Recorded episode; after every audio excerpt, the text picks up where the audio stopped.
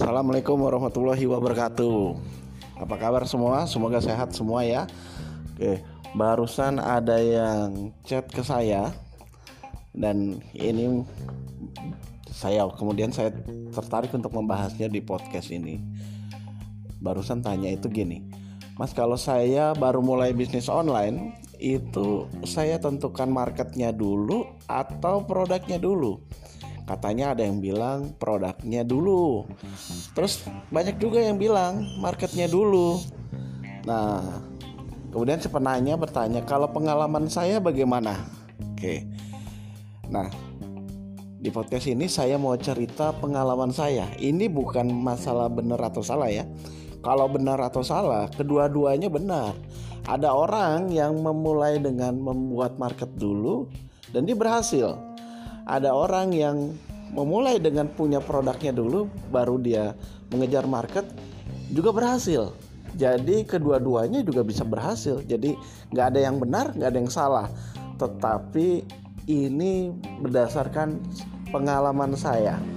Oke ketika dulu saya awal memulai saya menentukan marketnya dulu.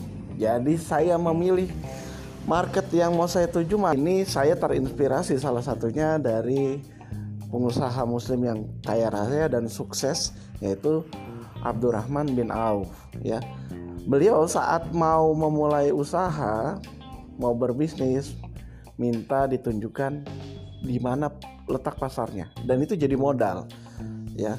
Market jika kita sudah punya market, kita sudah tahu market kita, maka ketika kita menyediakan produk apa yang mereka butuhkan, market butuhkan, itu mudah sekali secara cepat terjual.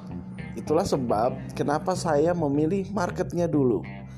Namun ini bukan berarti Anda yang punya produknya tidak bisa cepat laris.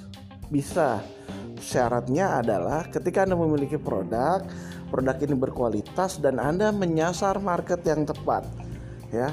Anda memasukkan produk ini kepada tempat itu pun akan sama hasilnya. Nah tetapi masih memang harus mencari ya. Tapi kalau sudah memiliki kita akan memilih produk yang dibutuhkan begitu. Jadi anda yang mana? Mau pilih produknya dulu atau marketnya dulu? Itu terserah. Yang nggak boleh adalah ketika punya produk produknya nggak dijual ketika punya market nggak dijualin produk itu nggak boleh karena nggak menghasilkan gitu ya. Semoga ini membantu anda memberi pencerahan dan gimana cara menentukan market anda bisa dengar di podcast saya lainnya oke? Sampai ketemu di podcast berikutnya ya tetap semangat tetap jualan dan tetap berbisnis. Assalamualaikum warahmatullahi wabarakatuh